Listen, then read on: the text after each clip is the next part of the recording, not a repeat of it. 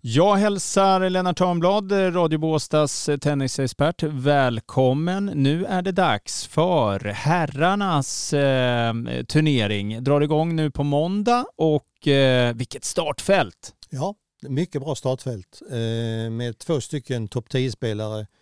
Kasper Rud eh, och eh, Andrei Rublev som är ju riktigt, riktigt bra, riktigt heta båda två, framförallt Rud. Mm. Som eh, är norrmännens svar på, jag vet inte vad, Björn Borg kanske. Ja, nästan. Ja, man nästan. kanske inte får Ja. dra det riktigt ännu. En härlig spelare med en, en, en spin på bollen som är väl den näst högsta i världen efter Nadal.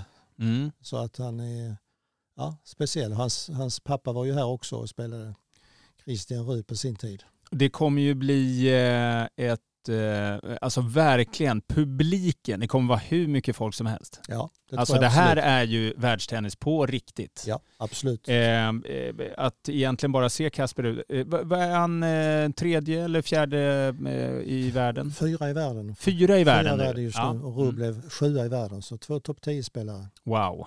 Och det är ju faktiskt lite unikt för en eh, 250-turnering som Båstad. Ja, roligt. Eh, jag ser också att Zverev eh, och eh, fjolårsvinnaren Serundolo är ju också med. Ja, Sörendolo, argentinaren som överraskande vann i fjol, vill naturligtvis försöka försvara sin titel, vilket ju inte är särskilt lätt. Men vi har ju haft en del eh, genom åren som har vunnit ett par, tre gånger i Mm. följd. Ja, just det.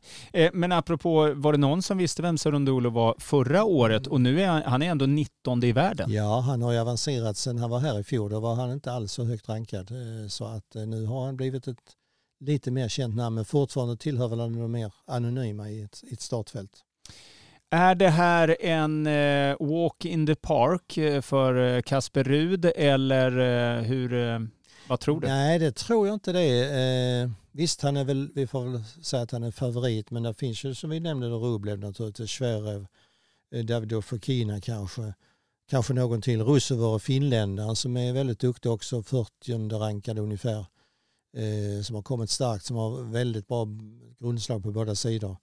Eh, och kanske möjligtvis någon till så att eh, han går inte helt säker, det gör han inte. Sen har vi ju en del svenskar, eh, vilket är ju väldigt lo- roligt. Eh, vi kan ju börja med den som är bäst rankad, eh, Elias Ymer. Ja, Elias har ju spelat här många gånger och eh, älskar naturligtvis att komma hit som alla andra svenskar gör. Har inte fått till det riktigt här utan har väl nått två andra eller tredje omgången som bäst. Jag vet inte om han har varit i kvarten kanske någon gång också. Men eh, det vilar ett ansvar på honom ur svensk synpunkt eh, onekligen. Och det är ju eh, kanske lite tufft då när man eh, har eh, två topp eh, eh, tio spelare.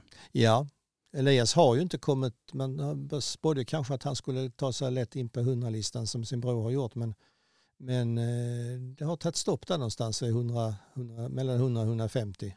Eh, det, jag känner ju till två av tre svenskar. Nästa på tur, som eh, nu när jag tittar på rankingen, så är det Dragos Nicole Madaras. Eh, så, eh, ingen aning. Nej, han är inte speciellt känd eh, men har vunnit eh, en hel del turneringar på ITF-nivå, alltså i väldigt bra form.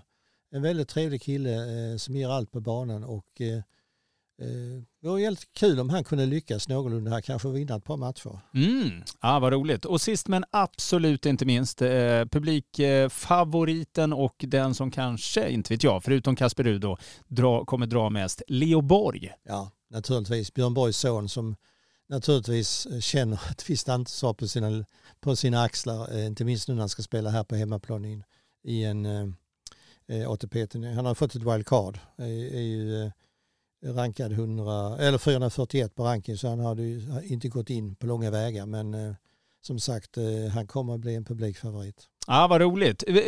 Något speciellt som du eh, ja, ser, ja, vad, vad, ser du fram emot mest? Är det se Leo Borg eh, på centercourten eller Kasper Rud? Ja, båda två egentligen. Va? Eh, och eh, nu åkte ju Kasper Rud ut ur Wimbledon på ett ganska tidigt stadium så att förhoppningsvis så är han inte speciellt sliten när han kommer hit. Va? Så att han, han vill man ju se också en väldigt trevlig kille, ödmjuk kille och, eh, och Leo Borg vill man ju naturligtvis också se och se. Hoppas att han också kan ha lite tur i lottningen för det där spelar ju väldigt stor roll om vilket man stöter på direkt. Och har man fått ett wildcard så är ju risken att man får ett rätt tufft eh, motstånd i första rundan. Eh, väldigt spännande ska det bli. Jättekul. Tack så hemskt mycket Lennart för att du kom förbi. Nu på måndag alltså, då drar Nordea Open igång igen, denna gång herrar.